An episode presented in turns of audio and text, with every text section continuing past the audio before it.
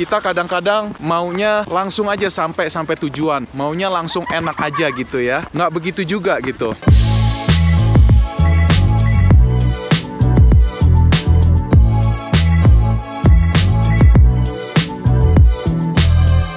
Hai Gen Boss, saya sekarang sedang berada di Whistler, Kanada. Wah, udaranya sejuk banget.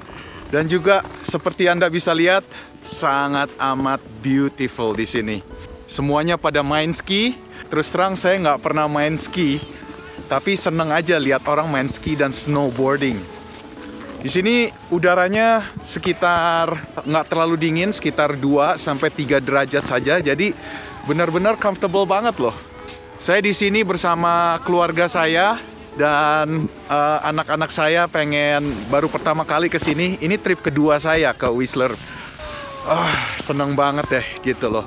Nah, perjalanan ke sini saya sempat merenung ya. Dari Vancouver perjalanan ke Whistler sekitar 1 jam 45 menit sampai 2 jam gitu. Perjalanan ke sini saya berpikir dan merenung, wow, ini jalannya lika-likunya luar biasa ya karena di sini musim dingin ada dicampur dengan hujan dicampur dengan lika-liku yang jalan yang sangat amat licin dan juga banyak mobil yang keluar masuk keluar masuk gitu ya. Sangat amat challenging gitu. Nah di situ saya berpikir gitulah. Saya sudah ada gambaran Whistler itu sangat amat beautiful dan saya tahu tujuan dan arah saya ya membawa anak-anak saya dan juga membawa istri saya ke tempat ini yang sangat amat beautiful dan wah benar-benar anak-anak uh, saya sekarang lagi main snow tuh dan istri saya juga. Saya kepikir gitu loh.